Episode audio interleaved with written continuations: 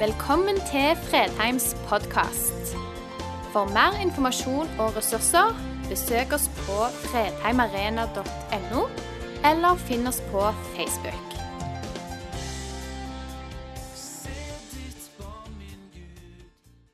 Det er ganger i livet vårt hvor vi bare ramler inn i settinger hvor vi opplever at her hører jeg til.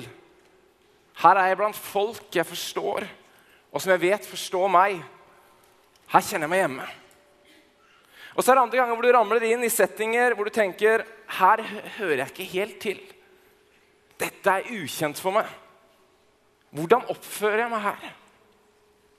Kanskje kjente du allerede på vei inn her i dag. Noen kjente storfamilie, kirke, misjon. Yes, dette liker jeg. Og så var det kanskje noen som tenkte kirke, bedus, tro, lovsang, Jesus. Dette er uvant. Dette er vanligvis ikke det jeg tenker som det å høre til. Til dere som skal stå som konfirmanter her i år, gled dere. Uavhengig hvor dere er, om dere tror eller ikke tror, så tror jeg dere kommer til å møte noen fantastiske mennesker i løpet av dette året. Og jeg tror du kommer til å se tilbake på dette året som et av de virkelig kjekke årene i løpet av livet ditt. Martin Cave, tidligere pastor i Imkirken i Stavanger, har et slagord som ofte blir referert til. Og det går sånn som det her. Folk flest har ikke sagt nei til Jesus. De vet bare ikke hvordan han ser ut. Jeg tror det er mye i det. Så vil dere få et år hvor dere kan se da var det slik jeg trodde det var. Med troen. Jesus, kirken, var det slik jeg trodde det var, eller var det annerledes? Det jeg kan love dere er at dere kommer til å ha en flokk med bra ledere rundt dere som kommer til å gi jernet for at hver av dere skal føles dere sett, hørt og oppleve å høre til i fellesskapet. Som dere ser, så snakker vi for tiden om storfamilie. Eh, for kirken er universell. Det er en gigantisk storfamilie. Denne uken har vi blitt minnet om det ettersom vi har hatt 25 ledere fra Europa og Asia her som har vært på ledertrening for Havana. Men kirken har ikke alltid vært så stor. På et tidspunkt var det bare snakk om noen ytterst få mennesker som responderte på Jesus sitt kall om å følge ham. Men det var noe i det kallet, i den personen Jesus, som gjorde at OK, vi følger etter. De opplevde å høre til rundt ham. Og ikke bare opplevde de å høre til. De opplevde at det var et eller annet helt spesielt med denne personen. Og de la ned sitt liv for å følge etter. I Jobbs bok 42,5 eh, Jobbs bok er en av de mer kjente bøkene i Gammeltestamentet hvor han går gjennom og mister absolutt alt han har. Han er gjennom smerte, lidelse og frustrasjon. Og så På et tidspunkt der så kommer han igjen til overensstemmelse med Gud etter en lang dialog. Og så sier han bare en av de nydeligste linjene i Gamletestamentet til Gud. Før hadde jeg bare hørt rykter om deg, men nå har jeg sett deg med egne øyne. Kanskje er det noe av det samme som vi kunne sagt om den stadig økende skaren av menneskene rundt Jesus som flokka seg rundt ham. Og de var av alle klasser, alle typer folk. De som var minst likt av alle, var de som var mest begeistret for å være rundt ham. De hadde alle kanskje hørt ryktene om ham. At det var lest opp fra profetene om en som skulle komme. Men nå så de ham med sine egne øyne. Og de fikk oppleve å høre til. Uansett hvilken bagasje de hadde med seg. Akkurat nå har jeg en fireåring hjemme som eh, mener at han hører til i en ulveflokk i julebygda. Og Normalt sett så ville jo de fleste av oss blitt skeptiske når fireåringen vår daglig henger sammen med ulver. Men ut ifra de lengre historiene han forteller, så virker dette til å være eksemplariske utgaver av ulverasen som da bor i et skogkratt i julebygda. Å høre til kan se veldig forskjellig ut. Vi vet ut ifra forskning at å ikke høre til fort skaper radikaliserte miljøer. fordi vi trenger å høre til. Vi trenger å finne steder så vi kjenner her er hjemme. Og finner vi ikke de stedene som er gode, så risikerer vi å finne steder som ikke er gode for oss. Som de opplever å bli tatt imot. Hvor en plutselig ender med å ta inn pos posisjoner, ideologier og meninger en egentlig ikke står inne for. Men jeg trengte å høre til. Og det var her jeg fant det. Og Slik rekrutteres unge mennesker inn i radikaliserte miljø, enten til høyre, til venstre eller strengt religiøse. Og Derfor hører politikerne igjen og igjen snakke om integrering, integrering, integrering. Å høre til betyr noe. I starten av Johannes-evangeliet, vers 11 og 12, står det dette her var da en eh, når Jesus kom inn, ble født inn i verden.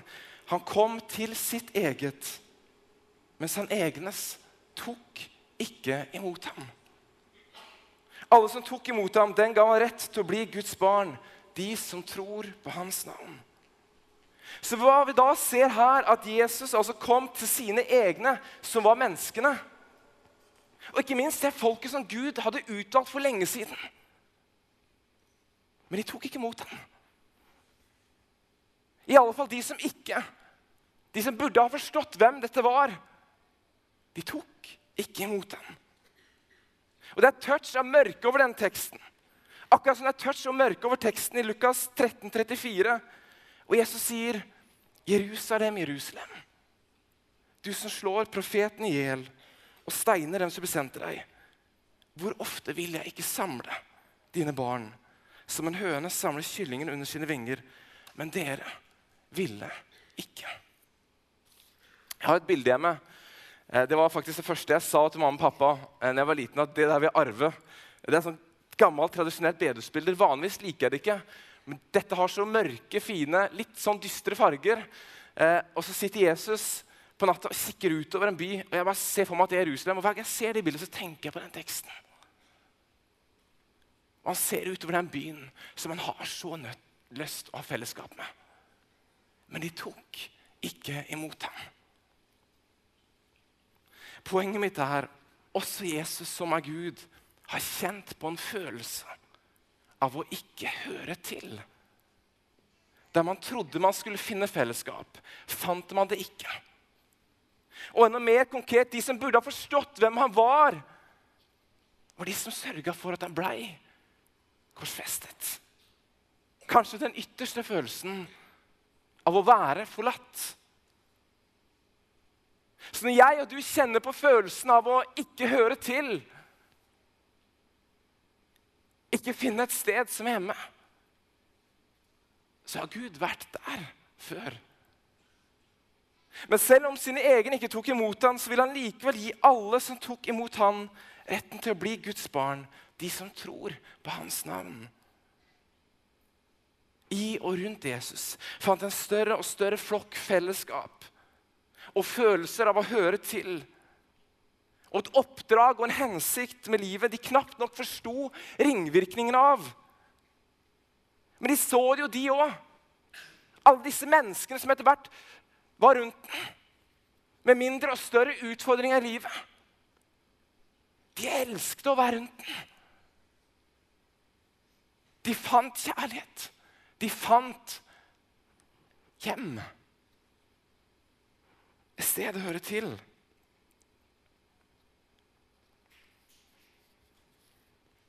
Hvis vi spoler fram noen år, eller ikke bare noen år, spoler fram en liten stund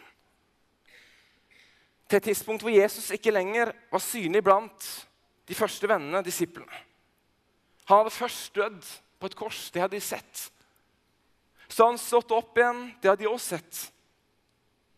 Og de hadde nå sett han blir løfta opp til himmelen like foran øynene deres. Og Når vi nå møter i apostelgjerningene 4, så møter vi den første kirke. Og Hvordan dette fellesskapet da, som er bygd opp rundt hans navn, så ut. Og vi leser. Alle de troende var ett i hjerte og sinn. Og ingen regnet det de eide, som sitt eget. De hadde alt felles. Med stor kraft bar apostlene fram vitnesbyrdene om at Herren Jesus var stått opp, og stor nåde var over dem alle. Ingen av dem led nød, for de som eide jord eller hus, solgte det og kom med pengene og la dem for apostlenes føtter, slik at hver enkelt fikk tildelt det han trengte. Det var et fellesskap av mennesker som hadde møtt noe som hadde forvandlet deres hjerter totalt. Og hvor meg og mitt var byttet ut med fellesskapets beste. Det må ha vært et fellesskap som virkelig var der for hverandre. Og så vet vi jo, Hvis du leser videre fra Posten, i at det var jo ikke alltid rosenrødt heller i den første kirke. De sleit med ulike ting. Det ser vi i brevene. Men poenget er dette. Helt siden starten har troen og kirken handlet om å høre til. Å være en del av et fellesskap. Fordi det er noe større enn oss selv som nå binder oss sammen som en global familie. En av mine hobbyer er å løpe. Og Her om dagen så snakket jeg om at jeg tror jeg trengte et nytt joggepar, nei, sko, et, par, et par sko. Igjen, nye joggesko. Det skjer av og til at jeg trenger nye joggesko. Og Nå var de plutselig blitt så billige Eh, så Da snakket vi litt om det hjemme, og så eh, gikk det for første gang opp for min kone at jeg hadde full oversikt hvor mange kilometer hver av joggeskoparene mine hadde vært i bruk. At jeg hadde logga ned. Da fikk jeg slengt 'nerd' etter meg. Det var visst nerdete. Grunnen til at jeg snakker om jogging, er fordi hvis dere ikke allerede har fått det med dere, så skal da Eliud Kipchoge, som er verdensrekordholder i maraton på 2.01,39 fra Berlin for andre gang nå prøve, prøve å bryte en barriere med å løpe et maraton på under to timer. Denne gangen i Wien under navnet prosjektnavnet Inios 159. Det er et års tid siden han prøvde, hadde første forsøk på Monza Formel 1-bane. Da gikk det akkurat ikke. Og når de gjør dette her, så bygger de opp et gigantisk eh, altså, gigantisk system rundt det. Det er snakk om en bil som kjører med laserlys på banen, som viser akkurat hvordan den skal være til enhver tid. En formasjon av løpere som ligger like foran den, som skal da bryte vinden, så han skal måtte få en lettest mulig vei gjennom. Ikke at det blir lett. Det kommer det ikke til å bli. Og så skal temperatur stemme, vind skal stemme, alt skal stemme før de setter i gang dette forsøket. Og det skjer i Wien mellom 12. til 20. oktober. Dette blir gøy. Eh, så så her er, bare, her er det bare, å søke på Inios 159 når du kommer hjem, så kan du følge de greiene her på nettet. Men det som er interessant, når du følger disse, de filmene de legger ut, og når Eliud da forteller om historien fram til dette prosjektet, så er det én ting som slår meg der. Og det ene er at Han henter inn de beste løperne i verden som bare skal ligge foran. akkurat som Tour de France. Skal ligge foran der og ta vinden hans. Blant annet Ingebrigtsen-brødrene skal være med. Men i tillegg så har han med seg den gjengen han løper med kilometer etter kilometer etter kilometer i Kenya. Og når du ser disse filmene, Det er 50-60 stykker der av og til som ser på de filmene, som bare er ute og løper dagen lang. Det som er Poenget her i den filmen er det at når han da snakker med disse folka som han løper med disse, Det er 50-60 stykker som er rundt klubben hans i, i Kenya, som han er nede og trener nå. Så vil du se det at eh, de intervjuer både Eliud og disse andre, de som skal da være fartsholdere. Og de snakker en ting, Begge to snakker om én ting, og det er at for at han skal klare å bryte den grensa, som mange tror aldri kommer til å klare å bli brutt, og løpe under to timer på et maraton, så trenger han at noen er der for ham, som han kjenner. Han trenger å høre til.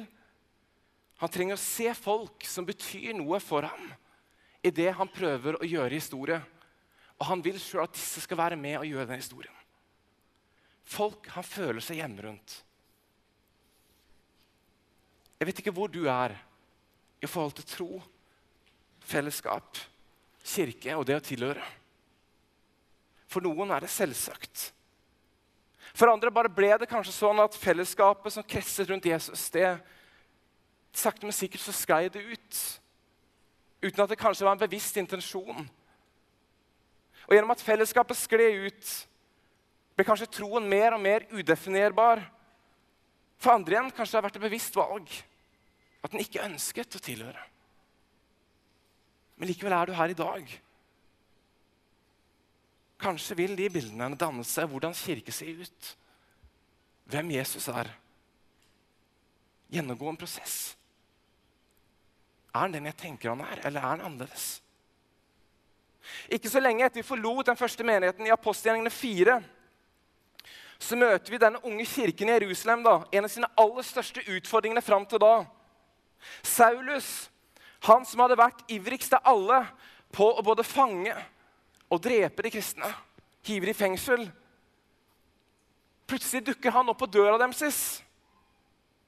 Og ikke overraskende så blir jo kirken livredd. Hva i all verden gjør denne personen her? For bare en kort stund siden så hadde han vært den, den som var grunnen, en av grunnene til at bestevennen sin, Stefanus, hadde mistet livet. Han hadde innledet en kraftig forfølgelse over menigheten i Jerusalem, trengt seg inn i hjemmene, slept ut både kvinner og menn og kastet dem i fengsel. Og nå ville denne personen plutselig inn i fellesskapet. Det de ikke visste, at på det tidspunktet hadde Saulus blitt møtt av Jesus på veien til Damaskus. Men da han nå kom til Jerusalem, så oppsøkte han de som han forsto ville måtte bli hans nye venner. Hans nye fellesskap, kanskje til og med hans nye familie. For de han tidligere hadde, de prøvde nå å ta livet av ham. Og han dro dit fordi det å tilhøre er avgjørende for oss. Uansett hvem vi er. Og nå måtte Kirken hamle opp med dette. Hvordan håndterer vi det? Vi aksepterer jo ikke de eller står bak de drapene han har begått. Forfølgelsen i Jerusalem, steiningen av alle som er hetsa, alle som er fengsla. Men samtidig hadde Jesus lært dem at de skulle elske sine fiender. Og foran dem nå så sto en person som bare for et øyeblikk siden var deres største fiende. Og han ville inn i kjernen. Og denne gruppen mennesker ble testet til marg og ben på hvordan kjærligheten ser ut når frykten din kommer og dunker på døra. Og denne fyren skulle bli en del av kjernen. Han skulle bli selve frontfiguren som leder kirken ut i unåde. Og det betyr også oss. Denne gruppen mennesker integrerte den største frykten de hadde, inn i sitt fellesskap. Det er ganske vilt. 1. Johannes brev 4 står det kjærligheten, i kjærligheten finnes det ikke frykt, for den fullkomne kjærligheten driver frykten ut. For frykten bærer straffen i seg, og den som frykter, er ikke blitt fullendt i kjærligheten. Vi elsker fordi han elsket oss først. Og på sitt beste gjør Kirken det. Både med mennesker vi frykter, Mennesker vi er uenige med. Mennesker som tror noe helt annet enn det vi gjør. Mennesker med en helt annen bakgrunn enn oss, en helt annen bagasje enn oss. Mennesker som kanskje allerede er fullstendig drevet av frykt, redsel og hat. I forbindelse med den talen havnet jeg inn på en artikkel eh, jeg tror det er psykologer, psykologer som har forska på det, om utenforskap. og Der står det det finnes flere ulike typer utenforskap. Og de personlige veiene dit kan være veldig forskjellige. Ved isolering eller lengsel etter et fellesskap kan mennesker ta veldig rare avgjørelser. Mennesker tåler ikke isolasjon så godt. Vi trenger anerkjennelse og fellesskap av flokken. Personer blir ikke nødvendigvis radikalisert fordi de sympatiserer med en sak men fordi det gir dem et fellesskap. Og i varmen fra fellesskapet forsvinner skammen, opplevelsen av å være feil og uønsket. Ut med bekreftelse og trygghet. Katrine Sagen som skrev det. Kan vi være en kirke som svarer på disse behovene for fellesskap? På den lengselen etter å høre til? Kan vi våge å håpe om det? Hvordan ser eventuelt det ut? Du skjønner, Det er ingen som helst tvil om at Jesus ønsker et fellesskap med hver og en av oss. Hva det sto? Alle som tok imot ham, den ga meg rett til å bli Guds barn. De som tror på hans navn.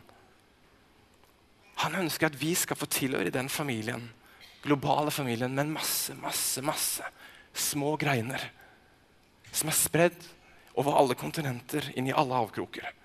Hvis ikke hadde ikke Gud blitt mennesker for å nå oss. Så vi er kalt inn i fellesskap. Og vi er kalt til å være fellesskap for alle typer mennesker. Og Jeg tror den bønnen Jesus hadde over Jerusalem i Lukas 13, ikke lenger bare runger over Jerusalem. Jeg tror den runger over alt. Sandnes, Sandnes. Hvor ofte ville jeg ikke samle dine barn som en høne samler kyllinger under sine vinger? Men dere ville ikke. Hva det sto i Jobbs bok? Før hadde jeg bare hørt rykter om deg. Nå har jeg sett deg med egne øyne. Hvordan ser det ut i ditt liv? Har du bare hørt rykter? Eller har han blitt levende i ditt liv? Vi ber. Kjære Jesus. Takk for at vi får lov å tilhøre deg. Takk for at du kaller oss inn i fellesskap. Og du ønsker å møte oss nettopp der vi er. For nå ber vi deg for disse konfirmantene som skal ut på en fantastisk år. Jesus ber om at de finner fellesskap. At de finner folk som ser dem. At de finner folk som lytter til dem. Prøver å forstå dem.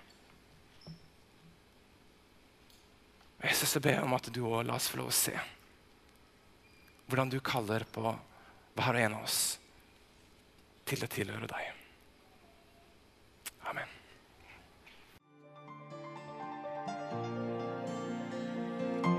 Takk for at du valgte å høre på. Nye opptak legges ut hver uke. Vi har gudstjenester hver helg, og du er hjertelig velkommen.